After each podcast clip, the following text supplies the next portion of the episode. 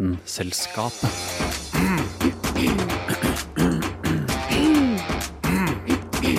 Vitenselskapet.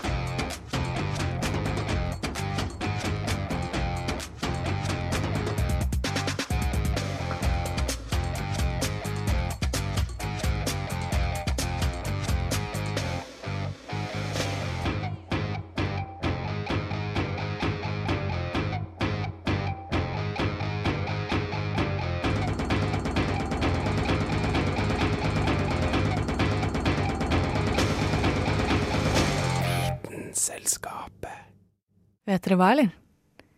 Her om dagen så skulle jeg ta en flytur, og gjett hvem jeg så? Stephen Fry. Eller, jeg vet ikke helt om det var han, da, men han ligna i hvert fall veldig. Og faktisk også, for ikke så veldig lenge siden, så så jeg Caroline Berg Eriksen ta outfit-bilder med mannen sin. Ti av ti. Nei da, det er ikke det vi skal snakke om i dag. Men det ga meg en idé, da, i hvert fall. Vi har jo masse kjendiser og stjerner i Hollywood, også, også i Norge, da. Men hva med vitenskapens stjerner, egentlig? I dag skal vi høre litt mer om de ulike vitenskapelige stjernene vi har der ute. Hva med mystiske stjerneformer, en Drake-ligning? Men kanskje ikke om den Draken du tror? Eller om sjøstjerner? Jeg er Sunniva Sol Sandnes Blix. Du hører på Vitenselskapet. Hæla i taket med Vitenselskapet.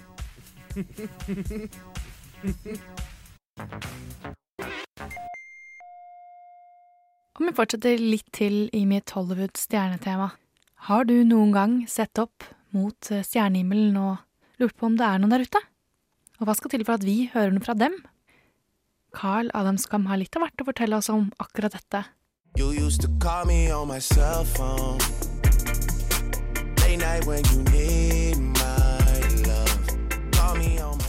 Ja, Drake, du drev og venta på den telefonen, men hvem er det du håper skal ringe? Er det en telefon fra verdensrommet du håper på, kanskje? Drake-ligninga handler nemlig om sannsynligheten for at oss her på jorda blir kontakta av utenomjordisk liv. Ligninga er nok ikke oppkalt etter popstjerna Drake, sjøl om det hadde vært mye gjevere. Ligninga er faktisk oppkalt etter Frank Drake. Han må ikke forvirres med sir Francis Drake. Denne Frank Drake er fra West Virginia. Resultatet du ender opp med når du har fylt inn ligninga, som vi kaller N, er antallet sivilisasjoner i vår egen galakse som kan kommunisere med oss. For å komme fram til denne N må vi gjennom sju faktorer. Vi begynner på starten med R. Det oss her kaller R, går ut på hvor ofte nye stjerner oppstår i universet. Mer spesifikt da stjerner som kan være passelig for intelligent liv. Dette handler da om størrelsen og stabiliteten til stjerna. Neste faktor kalles FP. Det er andelen stjerner som har planeter.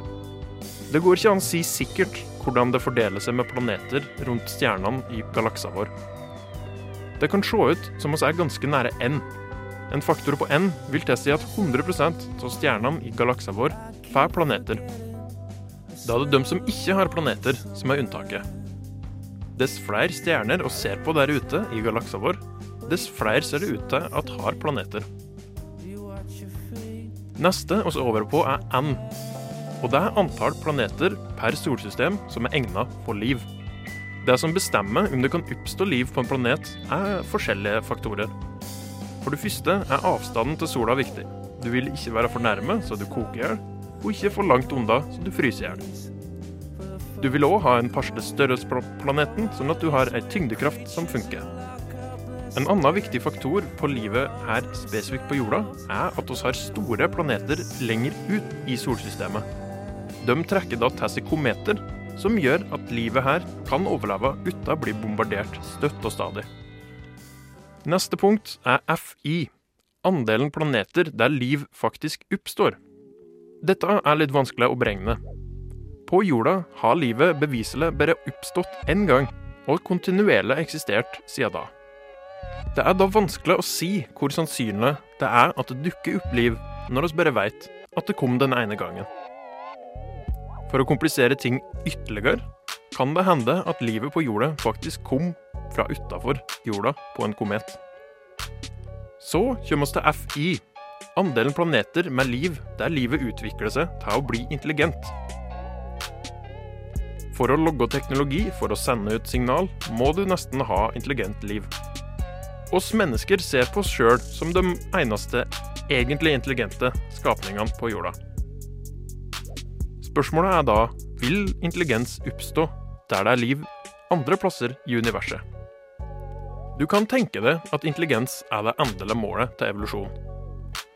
Det er ingen skapninger på jorda som har klart seg bedre enn oss foreløpig, og det er jo takket være vår intelligens.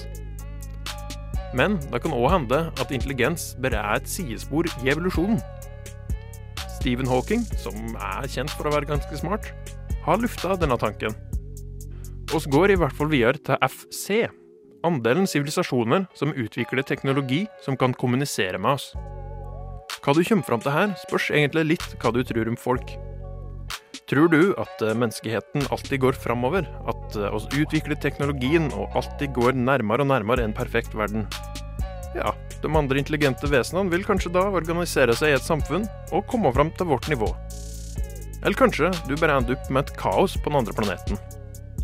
Gitt at den andre sivilisasjonen utvikler teknologi som kan kommunisere, må den jo òg ha et ønske om å bruke det. Det er jo ikke sikkert at romvesenene har lyst til å prate med noen andre. Kan hende de klarer seg fint alene. Den siste faktoren vi har med å gjøre, er L. Hvor lenge disse signalene eventuelt blir sendt. Det er veldig vanskelig å tallfeste hvor lenge en gjennomsnittssivilisasjon vil sende ut signal til verdensrommet. Det kan jo være sånn at en sivilisasjon som først når punktet, vil sende det ut for alltid, og derfor vil den L-en være helt utrolig høy. Men det kan òg være sånn at en sivilisasjon, når den har nådd dette teknologiske punktet, fort kan ødelegge seg sjøl. Og så har jo masseødeleggelsesvåpen på jorda i dag som kan ødelegge planeten vår fullstendig. En pessimist vil si at det bare er et tidsspørsmål for oss å ødelegge oss sjøl, og at dette er overførbart til alle andre sivilisasjoner. Skal vi da prøve å sette noe tall på dette her? Hyppigheten av oppstandelsen av nye stjerner i Mjølkeveien er ca. 1,5 for året. Andelen av de stjernene som får planeter, er som nevnt sannsynligvis nære 100% Antall planeter per solsystem som er egnet for liv, setter oss til tre. Andelen planeter der liv faktisk oppstår, forutsetter oss at det er 100% Andelen av de planetene der livet blir intelligent, kan man sette til 50% Fastsetter oss andelen sivilisasjoner som utvikler teknologi, til 20% sitter oss bare igjen med hvor lenge signalene blir sendt. En studie av de mektigste menneskelige sivilisasjonene tilsier at en gjennomsnittssivilisasjon, i hvert fall her på jorda, varer i 420 år. Smeller oss alle disse faktorene inn i en kalkulator, ender oss opp med antallet sivilisasjoner i galaksa vår som kan kommunisere. Er du spent? Bruker oss de forholdsvis unøyaktige tallene jeg har brukt, ender oss opp med at det er 189 sivilisasjoner som kan kommunisere med oss. Det er ganske mange. Dette blander seg da inn i Fermi-paradokset, paradokset om at oss ikke har fått kontakt med noe romvesen enda. Vi får bare håpe at Drake ikke skrur av telefonen sin, sånn at han kan få den telefonen.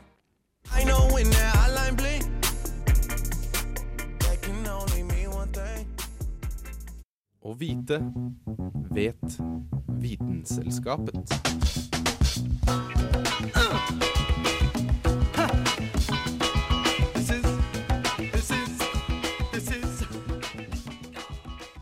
Stjerneformer er ikke bare fine å se på. Noen av dem skjuler også matematiske hemmeligheter.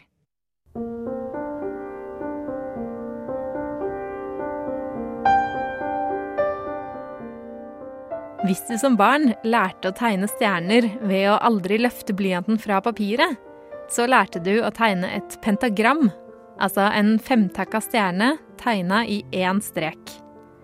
Hvis man på pentagrammet i tillegg trekker en strek mellom alle de fem ytterpunktene, stjernehjørnene, så ser man at figuren inneholder ti trekanter. Fem på innsida av stjerneformen og fem på utsida. Finner vi nå fram linjalen, og måler lengden av hver kortside og hver langside i de ulike trekantene, så oppdager vi at i alle trekantene er forholdet mellom langsida og kortsida alltid det samme. Nemlig det gylne snitt.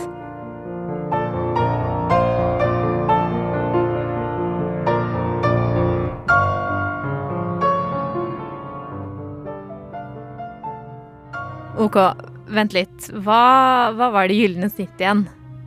Mange kan nok huske at det gylne snitt dukker opp i sammenheng med Leonardo da Vinci. Og hvem kan glemme Dan Browns da Vinci-koden? Men matematisk, hva er det egentlig? Jo, det gylne snitt er et forholdstall som oppstår om man deler et linjestykke i to, slik at forholdet mellom hele linjestykket og den største delen er lik forholdet mellom den største delen av linjestykket og den minste delen. Setter man opp det her i en ligning, så får man at det gylne snitt er 1,618 prikk, prikk, prikk. At en stjerneform kan brytes ned til det gylne snitt, det er jo ganske kult i seg selv. Men enda kulere blir det når vi finner ut at stjerneformen via det gylne snitt er relatert til Fibonacci-sekvensen. Dere vet den sekvensen der neste tall i rekka bestemmes av summen av de to foregående tallene. Altså 0, 1, 1, 2, 3, 5, 8, 13 osv. Også videre er her av stor betydning. For etter hvert som man kommer litt ut i Fibonacci-rekka, så ser man at det gylne snitt dukker opp igjen. Deler man de to siste tallene i sekvensen, vil tallet etter hvert nemlig konvergere mot 1,618. Det vil si det gylne snitt.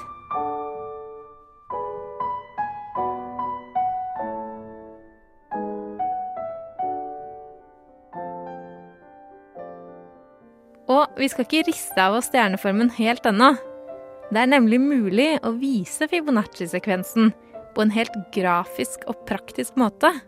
Tegner vi et kvadrat som er én ganger én stort, og enda et tilsvarende kvadrat ved siden av, så har vi jo de to første tallene i Fibonacci-sekvensen.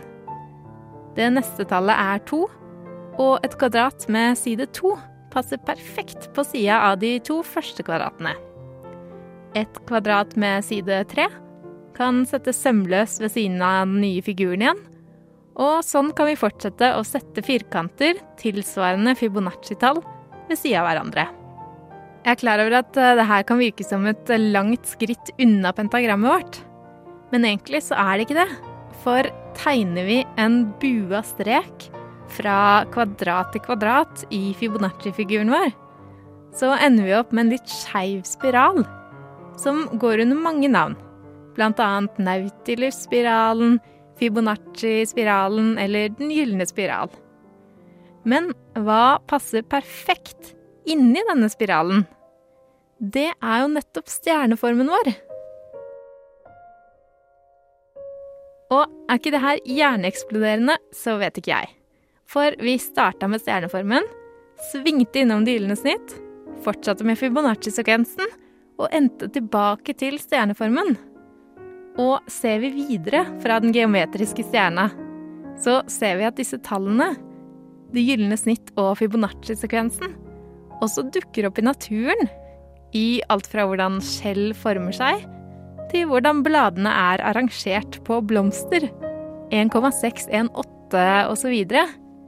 dukker faktisk opp så ofte at jeg tror vi også kan kalle forholdstallet ikke bare det gylne snitt, men også en stjerne i naturen.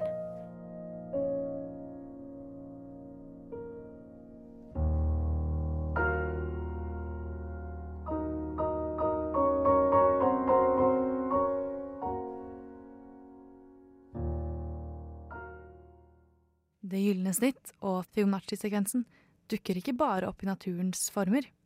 Det er også funnet ut at mange musikkstykker er konstruert rundt disse tallene, blant annet musikken du hørte i dette innslaget, komponert av henholdsvis Satie, Debussy og Bartok. Selve innslaget er komponert av vår egen Hanne Grydland. Vitenselskapet. Vitenselskapet på Radio Nova.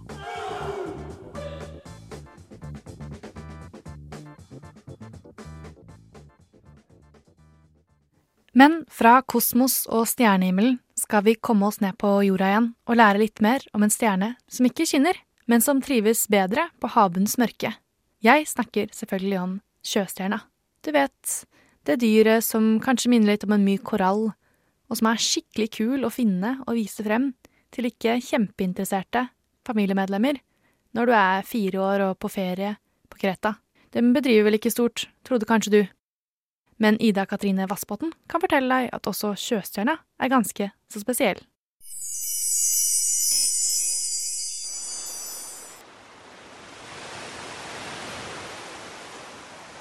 Sjøstjerne er en klasse av pigghuder og finnes i så mange arter at du har ikke peiling.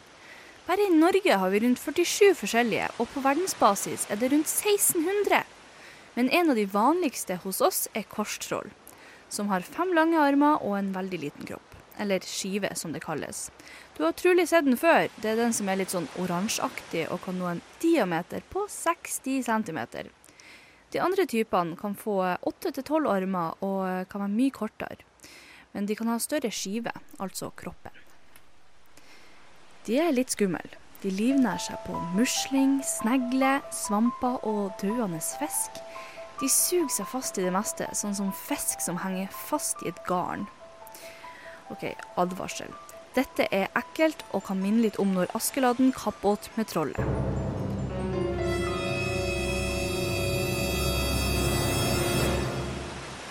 Hvis byttet deres er for stort til å komme inn gjennom munnen, så kan noen av de vrenge ut den nedre delen av magesekken gjennom munnåpninga og dekke byttet med den. Æsj. De kan faktisk omtales som rovdyr. De er villige til å ofre det meste i kamp, og kan faktisk være så bestemt og gæren at de mister ei arm i kampen. Men det gjør jo ingenting, for de kan faktisk gro ut ei ny ei i løpet av noen uker. Litt sånn som skumle monstre med tre haug i filmer som bare får flere når du kutter ett av.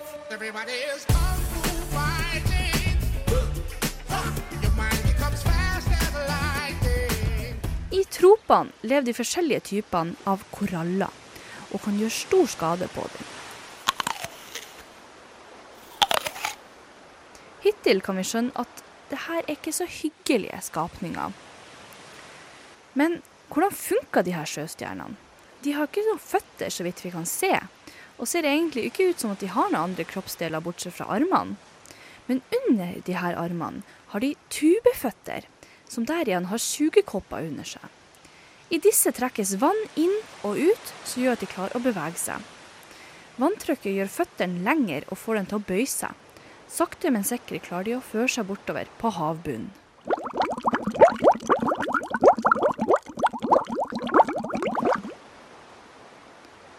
Øynene på sjøstjernene sitter faktisk ute på armene. De har bokstavelig talt øyne i nakken. De trenger øynene for å navigere seg hit og dit. Og hvis de først er kommet på avveie fra havet, så er det bare de med intakt syn som kommer seg tilbake. De ser der igjen ikke så veldig godt, men det funker akkurat for deres behov.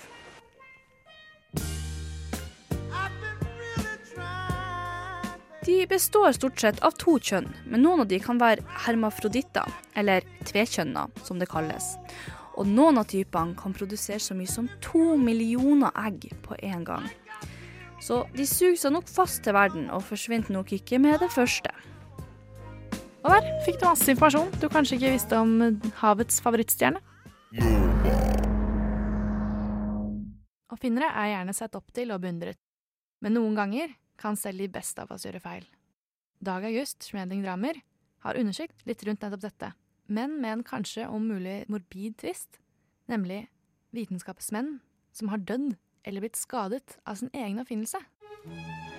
Vitenskapens verden og historie er full av oppfinnelser. Noen store, noen små, noen uhyre kompliserte.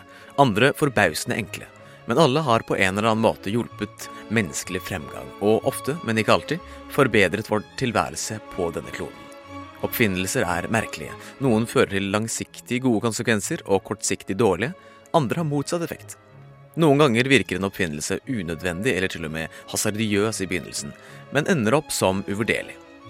Slik er oppfinnelser, både de konkrete, maskinelle og de mer abstrakte, uløselig knyttet til vitenskapens fremgang som sådan. Men som tidligere nevnt er oppfinnelsenes veier uransakelige. Man kan på mange måter hevde at oppfinnelsene like mye finner opp oss som vi finner opp dem.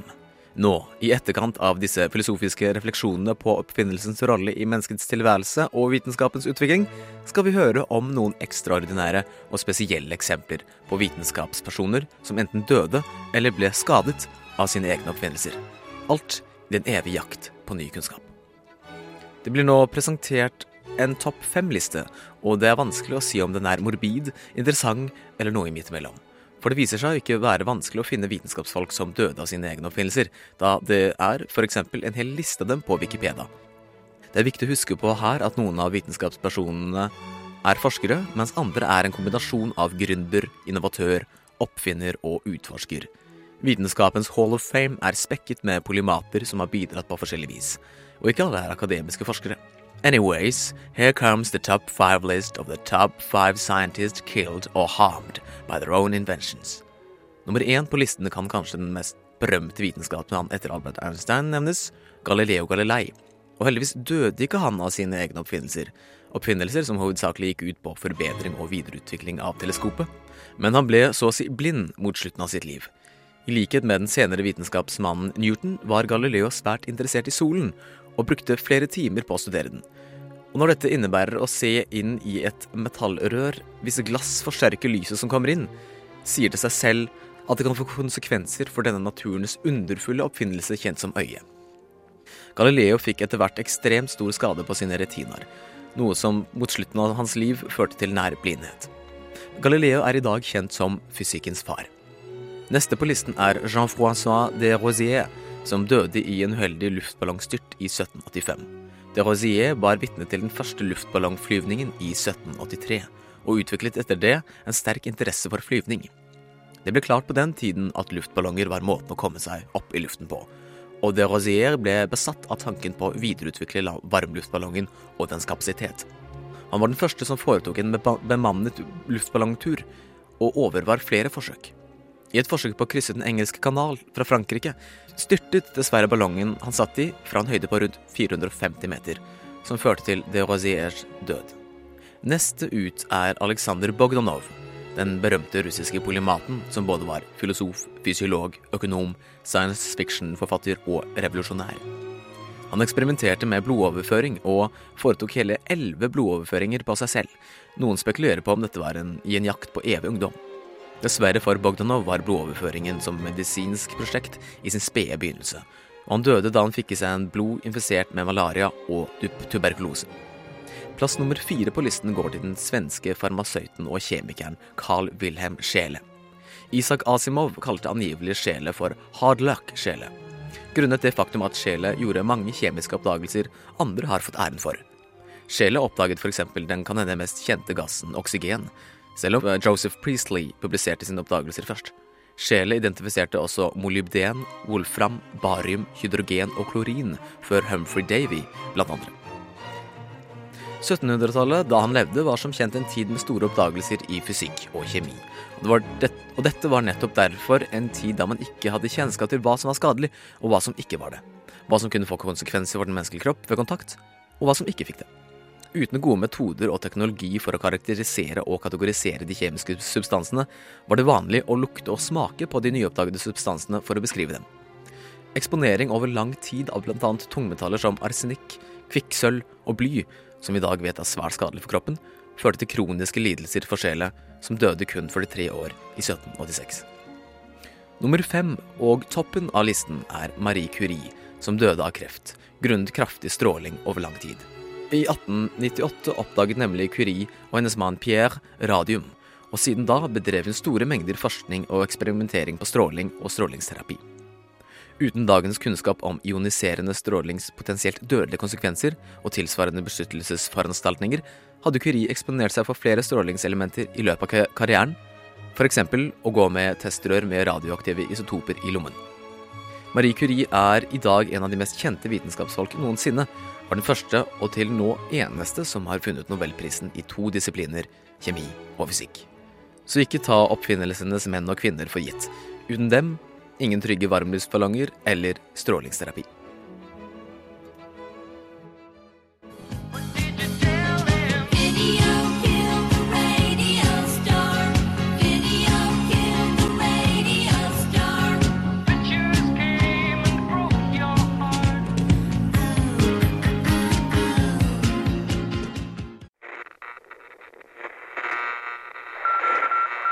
Avbryter den ordinære sendingen for å bringe deg Verdens Romsnytt.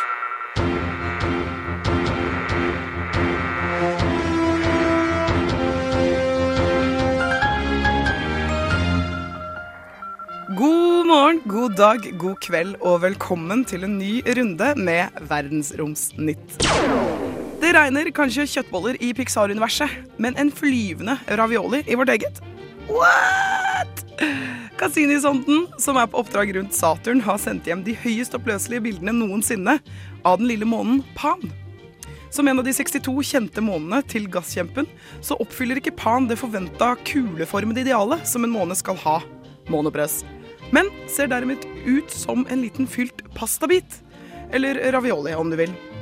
Pan rydder vei som en slags måkemåne i Saturns A-ring, hvilket gjør den lille fristelsen, som bare er 35 km bred for øvrig, til planetens innerste måne. Pan viste seg å være nok et tilskudd i en eh, ganske kul eh, månesamling så langt.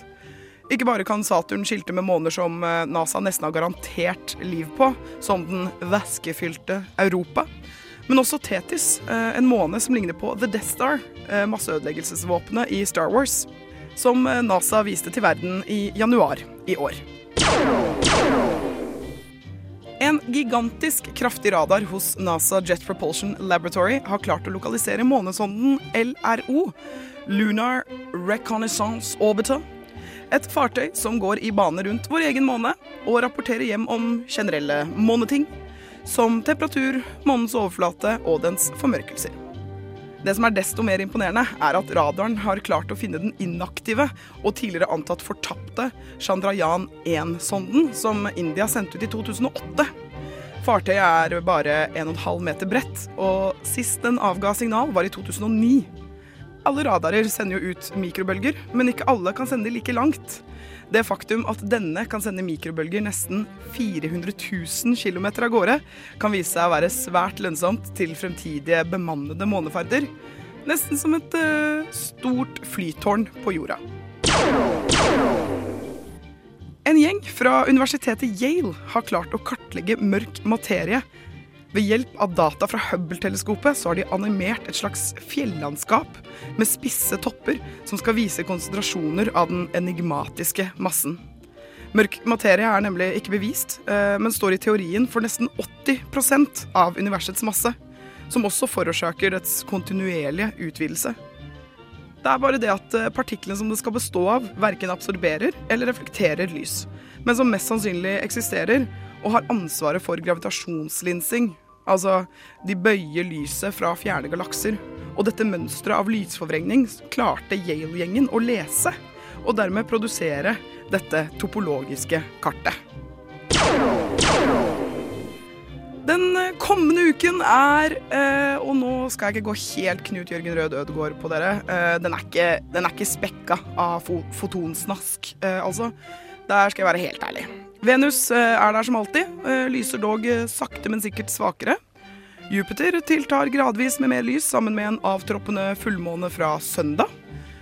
Og vårmånedene byr jo på det glødende zodiaklyset som kommer etter solnedgang, som en, som en slags svak lyskjegle opp fra horisonten. Men vi skal ikke lenger enn to uker frem i tid før himmelen både kan tilby kometpassering, og i midten av april så er det nok en meteorsverm. Så da gjenstår det bare for meg å si fra brunstjerna til månetoppen, Johanne Furuseth, over og ut. Og det var alt vi hadde for i dag. Men om du synes at en hel uke er litt lenge å vente til neste gang du hører oss på radioen din, finnes vi også på Facebook, Instagram, Soundcloud og din prefererte podkast-app under navnet Vitenselskapet. Eller på nettsiden vår radionova.no slash vitenselskapet. Jeg heter Sunniva Sol Sandnes Blix. Vi høres. Vitenselskapet. Radio Nova, FM 99,3 og radionova.no.